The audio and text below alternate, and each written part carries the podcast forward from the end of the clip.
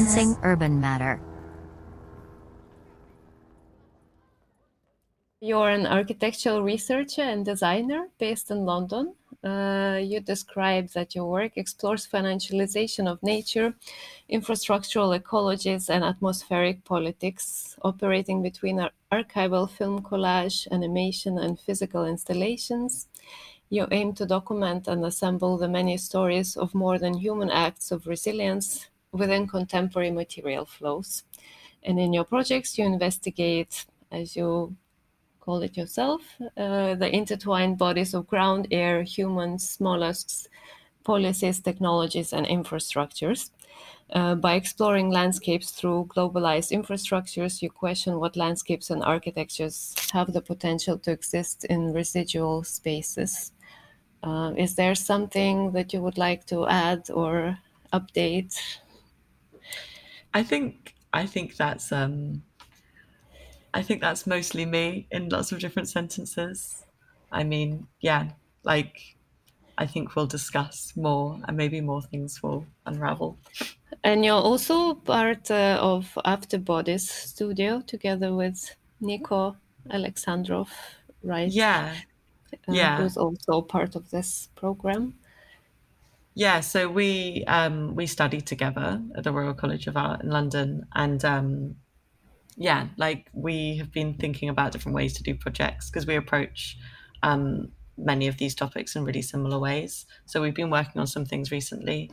We're hoping to develop more that are kind of like cross section between um, the different projects that we did at RCA and have done since. And you're part of Sensing Urban Matter uh, because of your project that you applied to Future Architecture platform in the pink, the lively architectures of a toxic cloud. And now you have been working also on your essay contribution, kind of deriving from that, called Smog Ecologies. So, In the Pink was a project that I did. Um, it was my thesis project at the Royal College of Art and it was looking at um, some death clouds or toxic clouds that arise in the Arctic atmosphere, especially in Nikel, which is a border town between. Um, it's a Russian town, but it's on the border of um, Norway, and um, so these toxic clouds have arisen because Nikel um, is a mining town and a smelting town, so it's named after the metal in its bedrock, which is nickel, and um, and for many years they've been smelting metal um, there to get the nickel and other metals um, in the bedrock.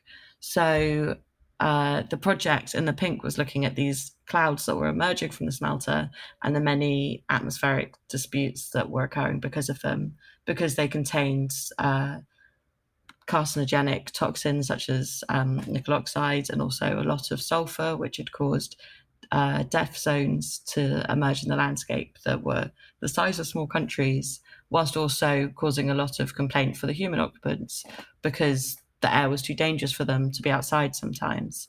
Um, so yeah, I was I was drawn to this project because of these kind of looming clouds looming over this um, landscape that was described as dead, whilst the clouds were described as dead. Um, and I wanted to look at the ecologies that might remain within the landscape um, to kind of disfigure this understanding of like a whole dead land. Um, and then smog ecologies kind of continues this by looking at the different ecologies that are entangled with smog landscape, landscapes that um, are obviously very prolific in our world more and more. Um, so yeah, it's looking at the kind of entanglement between smog and air pollution and different ecologies that are either damaged by it, obviously, but also live through it and kind of proliferate in it. What I thought uh, was really interesting about your work in the pink, there's this kind of new discussion about non extractivist architecture and trying to imagine what non extractivist architecture could be. And what I find interesting in your practice that you're kind of looking into this. Uh, it's not the right term to call it post extractivist landscapes because this extraction is still going on, but somehow with this. Uh, trying to find ways how to look at these landscapes that are still being damaged uh, and uh, kind of with the messiness of it. So I'm just curious what drew you as an architect to this particular site in Nikel? What interested you as an architect in small clouds? where did you find architecture of it? Yeah, well, one thing um, just to note that they're actually not smelting um, so much in Nikel anymore. Like six months after the project, um, they closed down the smelter. But that's so it's kind of more post industrial potentially than it was when I was looking at it. But I think what's interesting and important to think about with these spaces is that like they are in a way still industrial because the kind of toxic residues because of that um, activity that happened there is still like flowing through the landscape all the time and affecting people who lived there all the time. So even the smelting's ended, but they still are kind of industrial in a way to me. Um, or maybe that's just like the quality of post-industrial spaces that they're still very much um, experiencing the aftermath of what smelting or what like industry has done to them. Um, but yeah, the non-extractive architecture projects. I think you're talking about the Space Caviar project, um, and like there's loads of different approaches to how you might say non-extractive architecture. But I do think with that project, I'm kind of like in line with, um, very much in line with their approach to architecture because they discuss non-extractive architecture as something that doesn't produce externalities.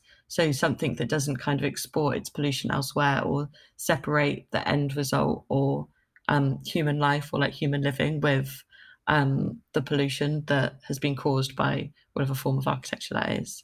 Um, and I think like part of why I was interested in um, studying a very toxic and polluted and continuing to be polluted place is that I was interested in thinking of other ways of managing toxic space and managing our approach to them. So instead of thinking about segregation or separation, thinking about ways to kind of live within them or study ways to um, live within them that was much more about remediation and um, coexisting with other forms of life that might also live within them. Um, so I guess like that was one thing that drew me as an architect is like kind of occupying one of these spaces of externalities and considering ways to process them and live with them. And I guess another thing that drew me is that um, similar to the whole idea of like not having externalities. The problem with that is um, different forms of invisibility when it comes to our consumption and our production of toxicity, and this kind of externality produces um, produces a lot of invisibility with toxic space when you can't see it or like you can't process it or understand it. So I think I was also very interested in engaging in these kind of material flows that may be hard to see or may be hard to understand and think about.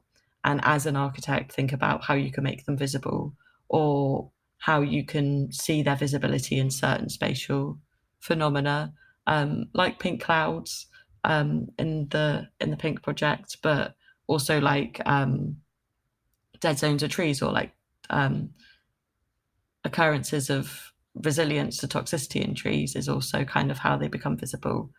Um, so yeah, I think those two different things drew me as an architect, but definitely like how you make the other very, very large amount of invisible parts of our systems visible, I think is a really interesting question for architecture. As I understand, it's also really important in your work to kind of show that these seemingly dead landscapes are not dead at all, and maybe I don't know if you could uh, tell a bit more about this kind of feedback loops that you found. How did you source your data? Because there's like a lot of these agents somehow in uh, in in this case of Nikel. Uh, one thing is this uh, specific bacteria that adapt to live in toxic clouds, right? Uh, and then you have this birch uh, trees that also uh, form symbiotic relations uh, with certain toxins. Yeah, so um, I guess, like as you said, a big aim was to consider how not to call the landscape dead, as this was like the kind of ultimate way the space had been like externalized and othered to me because it kind of been declared as like no more. It felt like um, and like impossible to continue through because of this like blanket definition of death. So I was looking um, and searching for the different ways that the cloud had interacted with um, living entities in the space and ecologies in the space. And I was already really interested in aeroplankton, which is um, the different like microscopic lives in the atmosphere, and um, was intrigued to know like if the air was truly dead or if there was still um, all the different things like bacteria and um, fungi spores and pollen and some small insects are all um, aeroplankton, and I wanted to know the effect of like the toxic air on them. And there was um, a study undertaken which looked at the toxic air um, around these um, smelting sites and around the urban sites, along with kind of background sites that were much further away from the pollution in these areas. And they found that it was having, you had kind of a specific um, microbiota or e- little ecosystem in toxic air that was different to the non the less toxic air and that was because certain fungi spores and certain bacteria were drawn to live in the toxic or like drawn to the toxic air.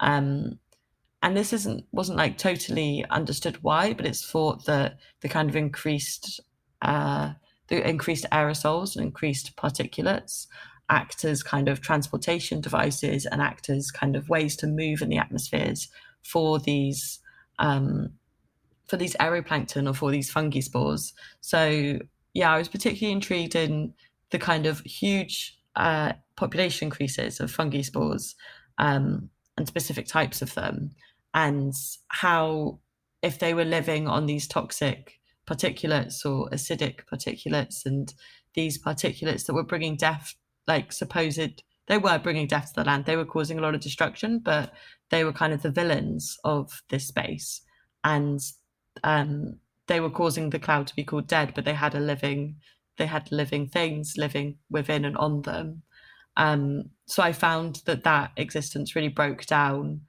like dichotomies between life and death and the kind of biopolitics that was being put on the landscape because uh, secretly and hidden there was these living fungi, living entities, and there were fungi spores that would eventually land on the ground and grow within the ground too. Um, and then, yeah, the toxic resilient trees um, that you mentioned, there was other studies in the kind of landscape around Nikel where there, a lot of forest had died. There was like a huge forest dead zone, but there was a lot of young mountain birch trees, and a study was undertaken to understand like how they were living in the ground because the the ground was considered toxic, and the ground had too much metal potentially for trees to survive. But there was a lot of resilience found in the roots of these birch trees that meant that they were able to live in metallic ground. Um, so that was kind of another. They'd kind of shown this very short uh, adaptation or short um, way of learning within the landscape. So within two generations, they'd formed this ability. And it was kind of another example of how ecologies were being forced to live in toxic grounds and forced to change their bodies and forced to change their kind of ways of living to live within these spaces. It was more of a speculative approach that then, because the fungi spores quite often would be species that form symbiotic relationships with um, tree roots and with plant roots, I then went on to kind of speculate that maybe the fungi spores that were carried there by the toxin were forming relations with the tree roots and kind of increasing this loop of ecological and toxic entanglements. So, yeah, these kind of creatures and fungi spores and critters that I was like finding in the landscape, I was calling weird assemblages as they were like assemblages of toxin and synthetic as well as living and kind of thriving within toxicity and that was like my main focus of the project my approach to def- the, these clouds was to see them as a kind of network and see where their footprints touched the ground or where they interacted with the ground and interacted with these ecologies.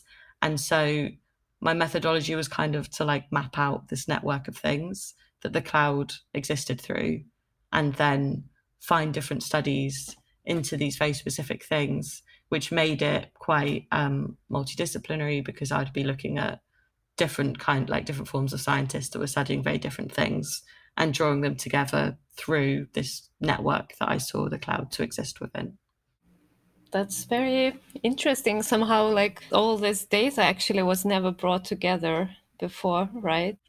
Yeah, but I also think that's kind of quite often the nature of an architectural approach is to draw these different um, kind of disciplines and these different approaches together to understand space in like a lot more detail than what they individually do. Like these research projects that happened for years and years and years by like these dedicated scientists um, understood space in a very specific, like understood the space in a very specific way. And sometimes that was why the space was called dead because they understood it through um, like very limited parameters of what they were studying. So to kind of draw a lot of these together, which is how architects normally do approach space, is like quite useful, I think, in these very confused and um, unclear lands of like pollution and toxicity and stuff.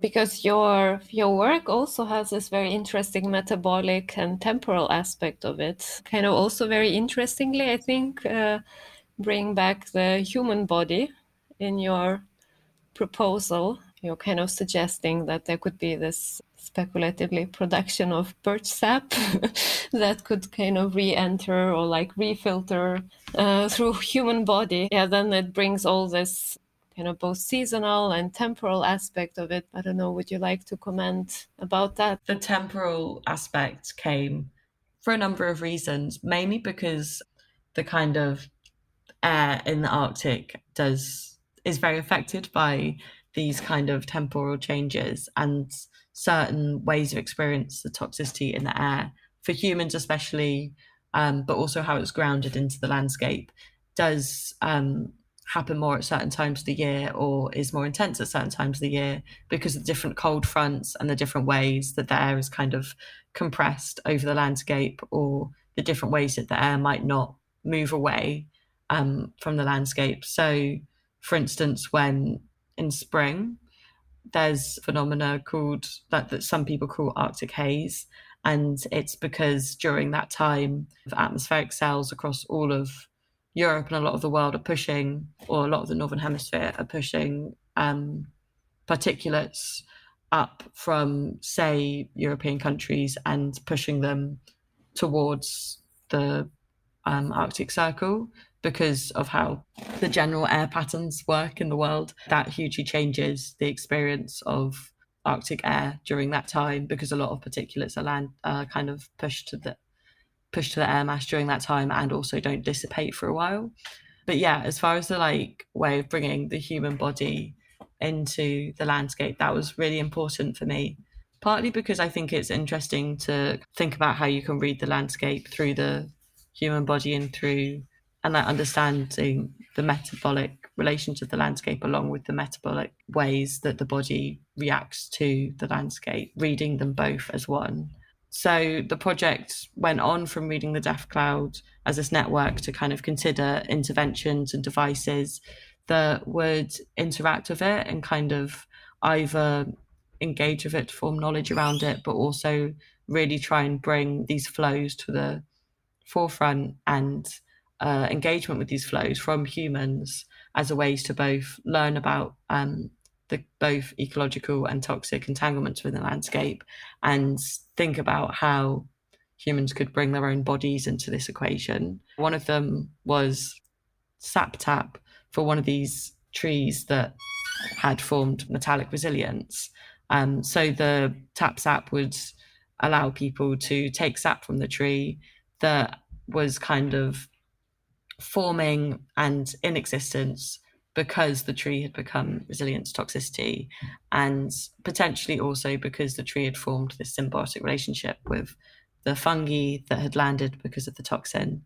And the sap would then be taken to a different device that would allow it to be fermented um, within the falling haze because that contained so much um, fungi and bacteria, it would aid fermentation of the sap fermented liquids, foods that have live cultures of fungi and bacteria in them, are very good for immune systems. They protect the body from oxidation, which is very rife in sulfuric airs such as Nikel's, toxic airs. Um, oxidation in the lungs causes a lot of damage and respiratory disease, whilst um, your immune systems are normally compromised in toxic airs. That's like been talked about loads this year because of COVID and the relationship between smog and how COVID spread. So these kind of devices were thinking about how the body performs resilience and learns resilience within toxic landscapes and kind of allows the metabolic flow of the landscape to also flow through the body um, in different ways. And then I remember last time we talked in spring online, you were telling also because this project um, you kind of did remotely, as I understand, right? You kind of uh, gathered all the data and research and like mapped it out, but uh, it happened during the pandemic, and uh, yeah, you never got to visit Nikel, right? Yeah. uh, but then I remember you were telling that you were having this uh, research residency at Heat Island, uh, where you kind of turned close to your closer environments. Uh, and as I understand, uh, what came out of it is this project called London's Oil Critters. Uh, how you're thinking about where the assemblages maybe changed or evolved, like once you kind of could do this sort of field research uh, in your nearest surroundings or uh, maybe in way more urban setting as well with london's oil critters i was looking for um, different ecologies that were kind of thriving in london because of the oil market. Like london's essential for financial trade and therefore a central area where like oil economies really thrive.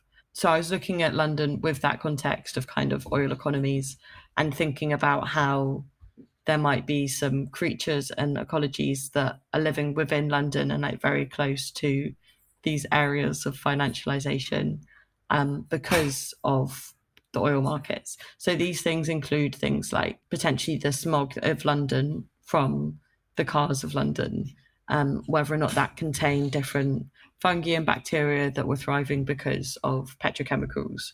Um, but then it also was looking at how different plants were fertilized along road verges and motorways and were proliferating across London parks because they were thriving in these nitrogen fluxes that other plants weren't able to thrive in. So they were like heavily fertilized by nitrogen from surrounding farmland um, being blown into the city, which happens a lot. A contributor to smog, um, but also the nitrogen from the cars and how that fertilizes different plants. Basically, picks the plants that we'll see. And another one, kind of extending it, it's less metabolic flows and more kind of infrastructural systems that allow transportation of things, but looking at mussels that have been um, transported and moving through Europe because of oil infrastructure and oil transportation. So the quagga mussel originates in the Caspian Sea and it's slowly, and the zebra mussel, and it's slowly made its way through Europe um, as the Caspian Sea has been opened up to oil development and canals have been built and transportation has extended.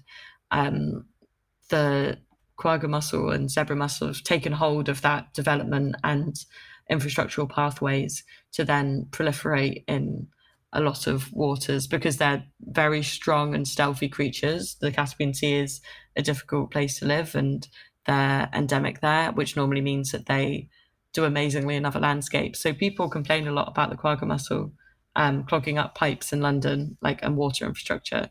But I found it quite fascinating that it kind of returned to roost and returned to the place of kind of financialization of this oil because also um, Shell, which was a London oil company um, to start with, or like from London um, to London men, had started the exploration and exploitation of oil in the Caspian Sea when they started their company Shell. Um, so that was like a story about the mussel coming home to its place of kind of um, financialization in a way. Um, so yeah, that was that was what London Oil Critters was looking at, and it was kind of an extension of these assemblages between ecologies, toxins, and infrastructural networks that I was fascinated by, and they're kind of like feral ecological effects. I think looking at them locally was very useful because I could go in and like engage in these places and talk to people and like talk to um, people trying to clear out these mussel shells or gather these different plants across London and see where they were and map them more directly from my own research. I found that really useful that I could talk to people about these assemblages because they were in their space and it wasn't abstracted as as we were talking about like externalities before by talking about ecologies within a space um, that were proliferating because of infrastructural um, networks and talking with people who were also living with them it kind of made the practice a lot richer because you could they it was much more apparent how prolific these relationships were. And i'm just curious did you have any exchanges with environmental scientists? Did you ever have a reaction to your approach somehow? Well with the oil critters project like n- not so much like specific scientists that were studying these specific creatures what i did find interesting is with um, i spoke to people who are in charge of like the water management um, I was like visiting these reservoirs where these mussels had like gone mad and kind of caused a lot of problems for them. But they were very, um, they were, they were very open about how they were managing them and like whilst they're invasive and whilst there's a lot of laws they needed to like abide by and um, stuff, they weren't kind of treating them as this alien body that had to be removed and kind of was something to be terrified by. They actually gathered up a lot of the dead mussel shells and were using them to pave their roads within this complex and using them to kind of build new infrastructures, which was like much more a kind of nuanced approach, I think, to dealing with these kind of things. They were like, okay, we've got now loads and loads of material because the mussels die and they leave their shells, and that is also something that builds up in these pipes. And so I guess it's similar to like the toxic spaces. Like they had loads of material, and whilst some people might be like, okay, this needs to go to landfill, we need to. It's really actually quite hard to get rid of these shells because people are so scared of the mussel spreading further and causing more mischief. So instead of kind of trying to deal with this, like incinerate them, probably they um, thought of ways to kind of build with them and create new spaces within their space, which I loved. So, and I thought was like a good, um, like a very interesting approach to dealing with this situation.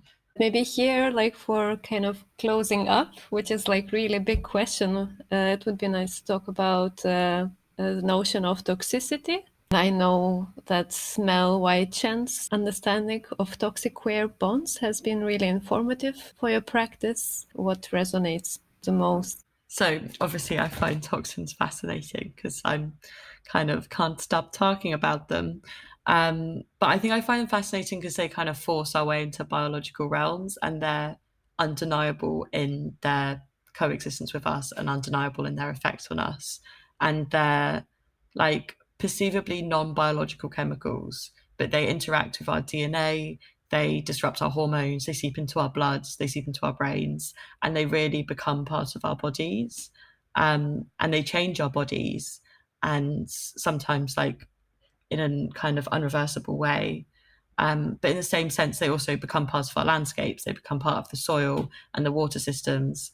And people are like, refer to the soil as toxic, the ground as toxic and the water body becoming toxic and everything becoming this level of toxicity that's quite irreversible. Like once you want to clean a soil of toxins, it could take like an incredibly, incredibly long time, and normally people just remove it. Um, so this kind of idea that there's lots of becomings and things are becoming toxic are interesting because of toxins' metabolic abilities to break down boundaries between biological and synthetic. They by nature organize between biological things and synthetic things. They directly communicate with our bodies and through our bodies or through landscapes. So, yeah, I just feel, think they're like very interesting, active um, thing that communicates between um, our bodies and our infrastructures. Um, so yeah, Mel Chen is like very influential in my thoughts about toxicity and toxic bonds, and the way that they describe a sort of queering within or through toxicities where bodies unwillingly become part of toxic realms um, and are changed through them.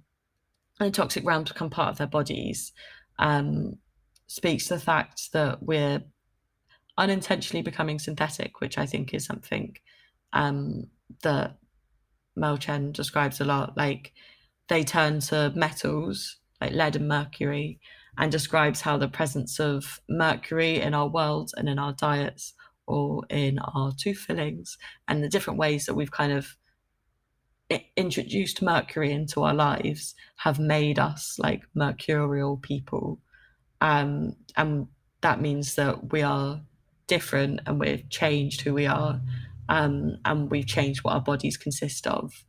Um, and i think that recognition that like our bodies are changed and through toxicity we're like becoming other and we're becoming different things. I guess it's similar to Rosi Braidotti's work. She describes the age of the post-human and describes how the bodies that we so celebrate or have so celebrated over the last few centuries, which is the idealized body of the Vitruvian man and this idealized opinion of the body is impenetrable and um, protected from the environment and separate, is just an image of the past and it doesn't exist anymore. Toxicity teaches us that. Um, the question for me as a designer or a researcher or an architect or whatever is how we develop ways to reorientate our ways of life and reorientate how we're living our lives to both appropriately recognize and organize material flows because we understand what they're doing to our existences, but also how we make them more recognizable and understandable and material so that they become a lot more visible to everyone and become understandable by everyone, not just scientists and not just um, political bodies. Your work inspired me to read this essay called Toxic Animacies Inanimate Affections. Yeah, a great essay. Compilation uh, Queer Feminist Science Studies. As I understand, they also address that, saying, you know, it is, and I quote here, it is important to retain simultaneously a fine sensitivity to the vastly different lived experiences or deaths. There's one thing to see and to learn how to live and to have a better perception how this material flows, passes through our bodies and our landscapes. Do you have any reflections about accountability? Have you been, uh, yeah, like thinking about it somehow? Yeah, definitely thinking about it. I think that's what like um, is important when approaching these spaces. They do cause like so much harm and they do cause harm to specific people. And those people who are living in toxic spaces normally someone's decided to pollute that space and therefore has decided to degrade their bodies through experiencing this toxicity. That's the nature of capitalist consumption and nature of the way we approach our landscapes is that we decide it's appropriate to affect people's bodies in this way and affect the landscape in this way. When Chen's describing people becoming toxic or becoming metallic or mercurial, not everyone is doing it at the same rate. And that's where like accountability becomes really important. And I think whilst in my in the pink project, I was looking at devices that kind of allow people to learn about these flows and maybe record them a little bit. I think some of the work that um, I've been talking about with Nico as part of our projects that I mentioned before is how you could use these ecological and toxic relations to be more kind of recording devices and be um, ways in which to record and develop um, evidence and develop ways of evidencing these toxic flows um, because yeah the nature of which these things are recorded and these things are monitored they're monitored by the governments that also allow them to happen um, which is worrying. So there definitely needs to be like alternative ways of evidencing and alternative ways of um, people displaying evidence in order to get more equity within these spaces. Thank you so much. I look forward to see your future projects